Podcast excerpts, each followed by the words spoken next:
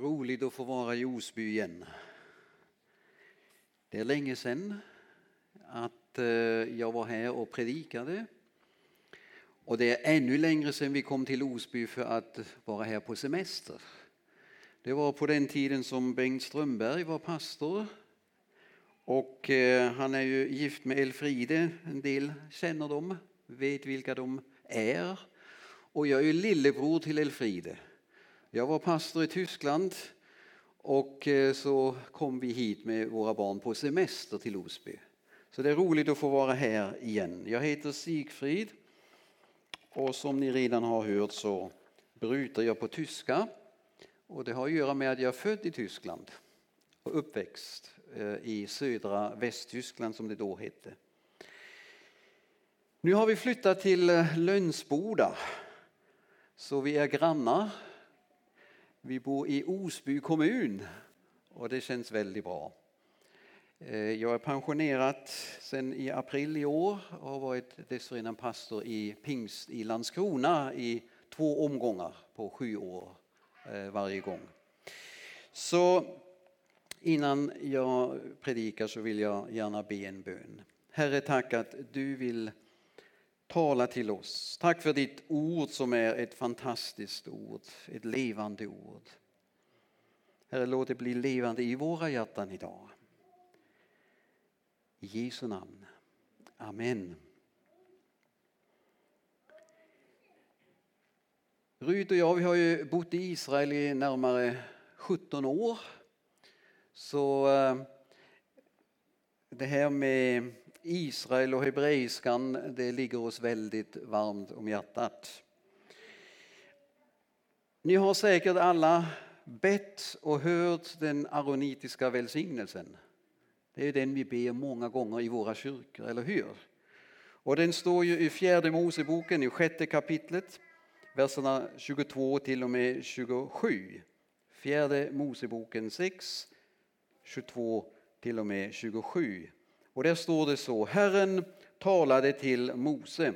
Han sade, säg till Aron och hans söner, när ni välsignar Israels barn ska ni säga till dem, Herren välsigne dig och bevare dig.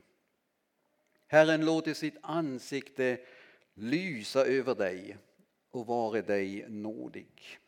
Herren vände sitt ansikte till dig och give dig frid. På detta sätt ska de lägga mitt namn på Israels barn och jag ska då välsigna dem. Hur ofta har vi inte hört dessa ord? Oräkneliga gånger, antar jag. Och det är inte bara i våra kyrkor som eh, den här välsignelsen eh, sägs och, och läggs på människor utan det är ju över hela vår värld i de judiska synagogorna, det är där det har sin början. Det var ju Aron som skulle välsigna Israels barn på detta fantastiska sätt. Och eh, jag upplever att det finns en fantastisk styrka i dessa ord. Och så är det ibland, det som vi är vana vid, det uppskattar vi inte riktigt. Det är inte förrän att vi inte har det som vi upptäcker hur mycket vi egentligen behöver det. Och eh, i och med att vi använder de här orden så ofta så kanske vi inte tänker tillräckligt på, på djupet av, av dessa fantastiska ord. Det är ju Gud själv som ger uppdraget till Mose och Aron att med dessa ord lägga välsignelsen på Israels barn. Det är där det har sitt ursprung. Så vi har på något sätt knyckt den judiska välsignelsen. Vi är lite tjuvar. Men eh, vi skulle också kunna säga tack och lov, vi har kommit in i den välsignelsen. Genom tron på Jesus så har vi blivit medarvingar. Så det är också vår välsignelse. Så vi är inga tjuvar, halleluja. Och eh, det är ju så faktiskt många gånger eh, när det gäller de här andliga sanningarna att de är givna först och främst till juden. Så är det ju faktiskt med hela evangeliet, eller hur? Det står så i Romarbrevet 1 och 16. Jag skäms inte för evangeliet. Det är en Guds kraft till frälsning för var och en som tror. Juden först, sen också Osbybor. Här står det greken, men eh, det finns inte så många greker här så jag tog Osbybor. Men det är så det är. Alltså, Jesus kom först och främst för sitt folk. Men tack och lov så fanns det några smulor över, eh, över till oss också. Och vi får vara hans barn av bara nåd. Vi ska titta lite närmare på den här fantastiska välsignelsen har jag tänkt och vad den innebär för oss. Det börjar med att det står Herren välsigne dig. Vem är det som välsignar? Varifrån kommer välsignelsen? Det är inte från Johan, det är inte från Britta, det är inte från mig. Utan det är från Herren. Vi ska söka all välsignelsen från Herren, inte av människor, inte organisationer, inte kyrkor. Utan välsignelsen den ska komma från Herren. Det är han med stora bokstäver. På hebreiska står de här fyra bokstäverna JHVH. Det är han som säger jag är den första och den siste. Han vill välsigna dig och mig. Det är Israels Gud, Abrahams och Jakobs Gud, Isaks Gud, fader till vår Herre Jesus Kristus. Det är viktigt att vi vet vem som är källan till välsignelsen. Det finns ingen annan Gud än JHVH, Herren vår Gud. Det finns ingen annan, säger Guds ord. Det är många som hävdar det. Det är många som påstår att det finns flera gudar. Men Guds ord säger att det finns bara en. Sen får vi tro eller inte tro. Men Guds ord är väldigt tydligt på detta. Att det är Abrahams, Isaks och Jakobs Gud, fader till vår Herre Jesus Kristus som är Gud och ingen annan. Med all respekt, men muslimernas, hinduers eller buddhisternas gudar, de är inga gudar. De hävdar att de är gudar, de är avgudar. Gudar med små g. Men Guds ord säger att det finns ingen annan. Och en enkel jämförelse mellan dessa och Bibelns Gud, det visar att det inte är samma sak. Jag har varit i samtal med många muslimer. Underbara människor. Vi ska älska dem. Vi ska visa respekt för dem. Men om de berättar om Allah och jag jämför med vad Guds ord säger om min Gud och hur jag har upplevt Gud. Det är inte samma Gud. Allah är inte någon fader. Men det är ju ett av de största attributen i Bibeln att Gud säger jag är er far. Vi ber Fader vår. Tänk att du får säga Abba, Fader. Det finns inte någon annanstans. Sen är det ju upp till dig och vem du vill tro på. Men försök inte att säga att det är samma sak. Du ska inte ha andra gudar vid sidan av mig, säger Guds ord. Källan till välsignelsen är alltså Herren. Sen fortsätter Herren välsigne dig. Någon har sagt välsignelse det är Guds godhet i handling. Guds godhet i handling, det är välsignelse. En annan har formulerat det så. Välsignelse gör människorna delaktiga av Guds goda gåvor. Du kanske har en egen eh, utläggning till vad välsignelsen är. Är det någon här som behöver Guds välsignelse mer än jag? Alltså jag kan inte få tillräckligt av Guds välsignelse. Och eh, om vi då tittar lite mera på ordet välsignelse på hebreiska. Nu tar vi en liten kort hebreisk kurs. Är det okej? Okay? Ni är på hugget. Okej, okay. det hebreiska ordet välsignelse har i sin grundform tre rodbokstäver. Så är det med alla substantiv på hebreiska. Tre, eller är det verb? Min fru tittar lite skeptisk. Tre rotbokstäver. Och finns de i ett ord så hänger de orden på något sätt ihop. Välsignelse, eller välsignade är barach. Ni har det här uppe på skärmen. Barach. Baruch ata Adonai. Välsignad vare du, Herre vår Gud. Och rodbokstäverna de har jag markerat med rött i ordet välsignelse, barach. Nu är det intressant. Om vi kommer till ordet knä. Det ser väl nästan likadant ut. Och kan ni mera hebreiska än jag så vet ni att det här bracha som jag uttalar som ett tyst tredje bokstaven i första ordet. I och med att det hamnar sist i ordet då blir det lite längre neråt men det är samma bokstav. Klart? Ni har förstått? Ni hänger med, det är bra, ni är duktiga. Jag behövde 17 år för att komma dit. Men det är samma tre bokstäver i ordet knä. Och då tänker jag fantastiskt.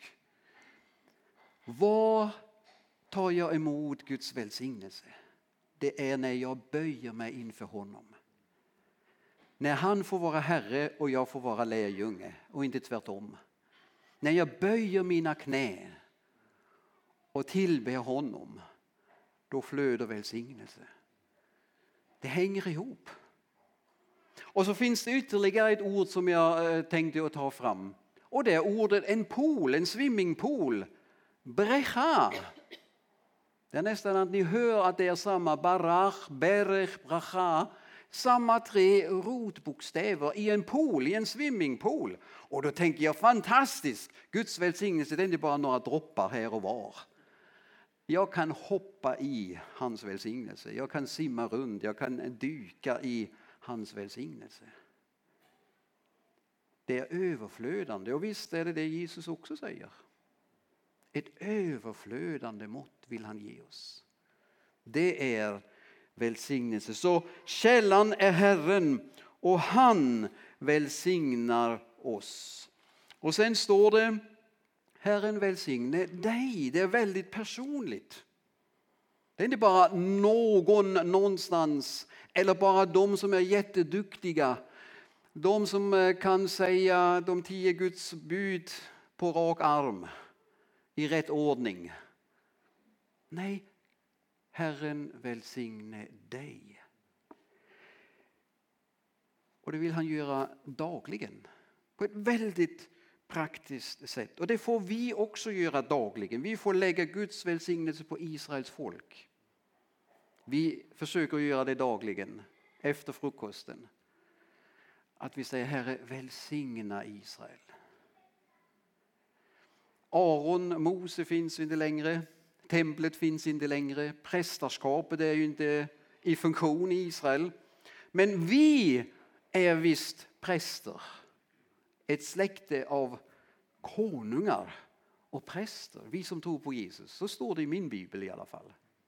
Och, och då så, så, får vi gå in och ta den uppgiften och välsigna Israel dagligen istället för prästerna som har gjort detta. Men så får vi också välsigna varandra.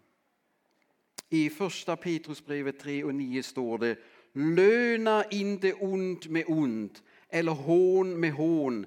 Tvärtom ska ni välsigna för ni är kallade att ärva välsignelsen. Och visst är det skönare när min fru välsignar mig än att hon skäller på mig för jag har glömt att ta ut disken ur diskmaskinen. Det blir ju en helt annan atmosfär i hemmet. Det blir en helt annan atmosfär på arbetsplatsen. Det blir en helt annan atmosfär i församlingen. Vi har så lätt för att se det negativa, det vi har glömt, det vi inte har levt upp till. Men det finns ju så mycket vi kan välsigna varandra. Så försök att välsigna, inte bara när vi säger det här framifrån i slutet av gudstjänsten, utan så här praktiskt i vardagen. Herren välsigne dig. Underbart. Säg det till någon när du eh, går härifrån idag.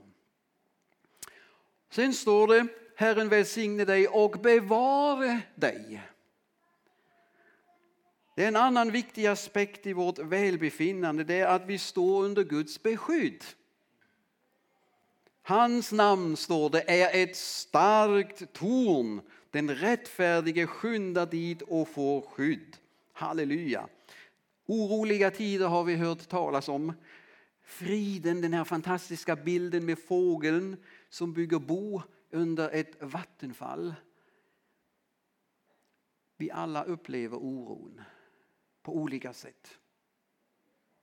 Vi behöver bara slå på tvn, vi behöver bara se hur samhället är. Vi behöver bara kanske titta på våra egna liv. Oron. Och så får vi fly till Herren. Och så får vi skydd. Herren bevare dig. I Efesierbrevet i sjätte kapitlet så läser vi om att vi har fått en vapenrustning. Det är bara det att vi behöver ta den på oss. Det hjälper inte om den ligger där snyggt. Vi kan polera den, vi kan, vi kan uh, ta hand om den, vi kan uh, pynta den. Men det hjälper ingenting om vi inte tar den på oss. Och så står det att vi ska stå emot på den onda dagen och göra vad? Behålla fältet. Det finns ett löfte i detta. För han som bor i oss, hur är det i Osby? Han som är i oss han är ungefär lika starkt som han som är i världen. Om inte jag hjälper till så kommer djävulen att vinna. Det står inte så i min bibel. Det är inte min upplevelse. Utan han som bor i oss, vi som tror på Jesus, som har gett våra liv till honom som har sagt ja till honom också i dopet. Vi får veta att han som bor i oss, han är starkare. Mycket starkare. Han har övervunnit, han har vunnit seger. Halleluja. Och han ska bevara oss och beskydda oss. Första Johannes 4 och 4. Frukta inte, nej förlåt, första Johannes 4 och 4 där står det att han som är i oss är större än den som är i världen. Men andra konungaboken 6 och 16 finns en fantastisk berättelse. Jag hinner inte att berätta den nu, men läs det gärna när du kommer hem. Där står det, frukta inte, säger gudsmannen Elisa till sin tjänare, för de som är med oss är fler än de som är med fienden. Glöm inte det i de här oroliga tiderna. Och det är där tron kommer in. Tror jag på det jag ser på rutan, det jag hör i radion? Eller tror jag på vad Guds ord säger? Är vi trosmänniskor eller är vi inte trosmänniskor? Talar Guds ord sanning eller är det en halvsanning? Ja, men det är en sanning, en fantastisk sanning. Vi tror på detta och det är så. De som är med oss är fler än de som är med dem. Eller Romarbrevet 8, 31 och sen verserna 38 till 39. Är Gud för oss? Vem kan då vara emot oss? Ja, men kanske dagisfröken. Hon kanske kan vara emot mig. Mina egna känslor. Min inre oro. Det finns mycket som kan vara emot mig.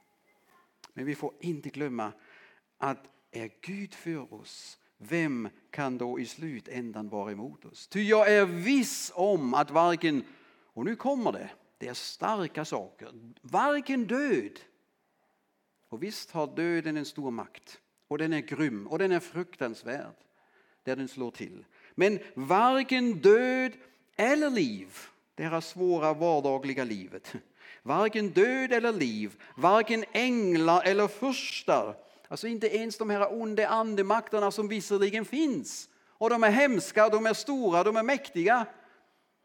Men ingen av dem, varken något som nu är eller något som ska komma, alltså inte ens antikrist.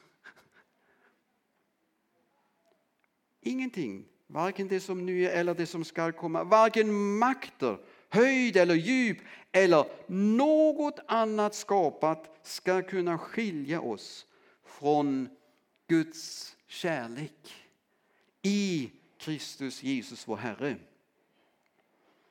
Vi vill att Herren bevarar Israel och vi vill att han bevarar oss.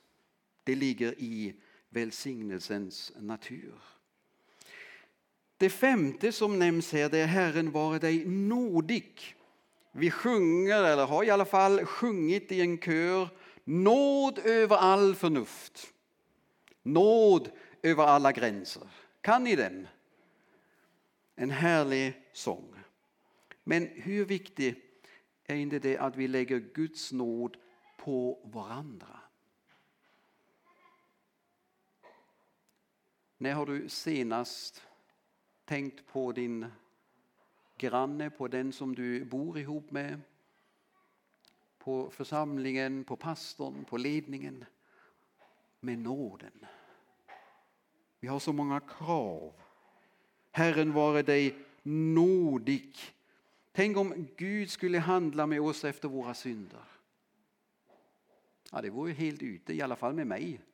Ni är säkert duktigare än mig, men jag hade ingen, inte en, en, en chans om inte Gud skulle vara nådig. Om han skulle löna oss efter våra missgärningar. Vem skulle då kunna bestå?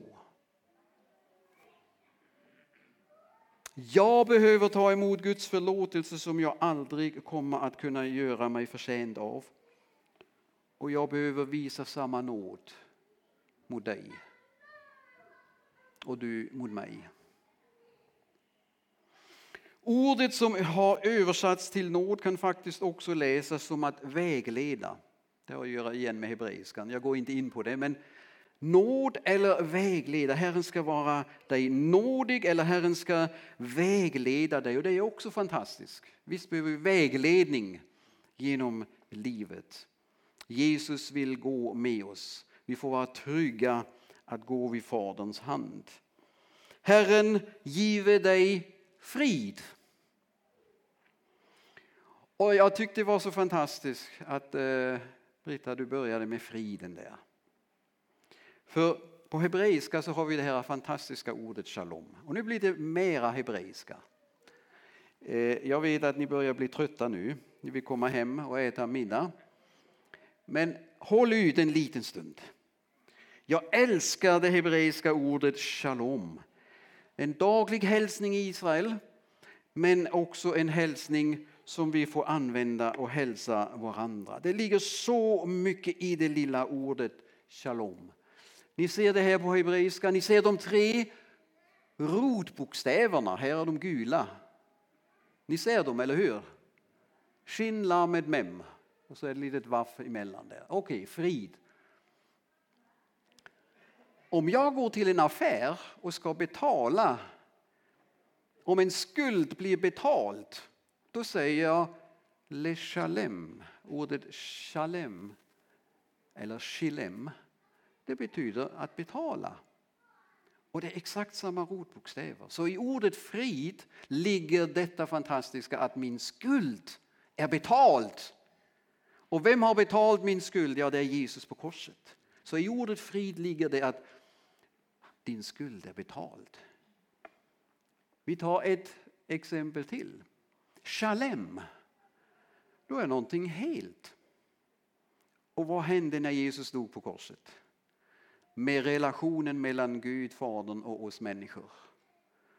Ja, relationen den som var bruten den blev helt igen. Det ligger i ordet shalom, frid. Har vi ett till? Mushlam, Ni ser hela vägen de här tre rotbokstäverna. Muslam det betyder perfekt. Visste du att du är perfekt? Ja, det tänkte du väl när du tittade i spegeln i morse. Åh, oh, vad bra, jag är perfekt. Men Guds ord säger faktiskt att Jesus har gjort oss perfekta. Vi är fullkomliga, vi är heliga. Det har han gjort för oss. Inte i oss själva förstås, inte i vår kraft. Men han har gjort oss rättfärdiga inför Gud. Vi är perfekta. Allt detta fantastiska ligger i ordet frid. Och så glöm inte bilden med fågeln. Så förstår du hur viktigt det är att vi lägger den här välsignelsen på Israel och på varandra. Den aronitiska välsignelsen visar oss också vägen hur vi blir delaktiga av välsignelsen. Och det blir vi i hans närhet. Det är i närheten till Gud som vi tar emot den här fantastiska välsignelsen. För det står ju så här, och Herren vände sitt ansikte till dig. Uttrycket Guds ansikte det möter, oss, det möter vi första gången i Edens lustgård. För när Adam och Eva hade syndat, när de hade fallit i synd, så står det mannen och hans hustru gömde sig för Herrens, Guds ansikte. Där hade synden kommit in. Nu kunde de inte längre vara i den här obrutna gemenskapen. De behövde gömma sig. De gömde sig för Herrens, Guds ansikte bland träden i lustgården. Innan dess hade de en fantastisk gemenskap. De gick och promenerade tillsammans. Det står när det blev kväll, lite, lite svalare så här. Då kom Gud och han sökte Adam och Eva och han ville ha lite kvällsfika med dem och samtala med dem. En opruten gemenskap och det var borta. De gömde sig för Herrens Guds ansikte. Ett annat exempel har vi i Första Moseboken i fjärde kapitlet, vers 16. Och där läser vi hur Kain, efter att ha mördat sin bror, går bort från Herrens ansikte. Så Herrens ansikte är ett, ett begrepp. Det är ett synonym för närheten till Gud.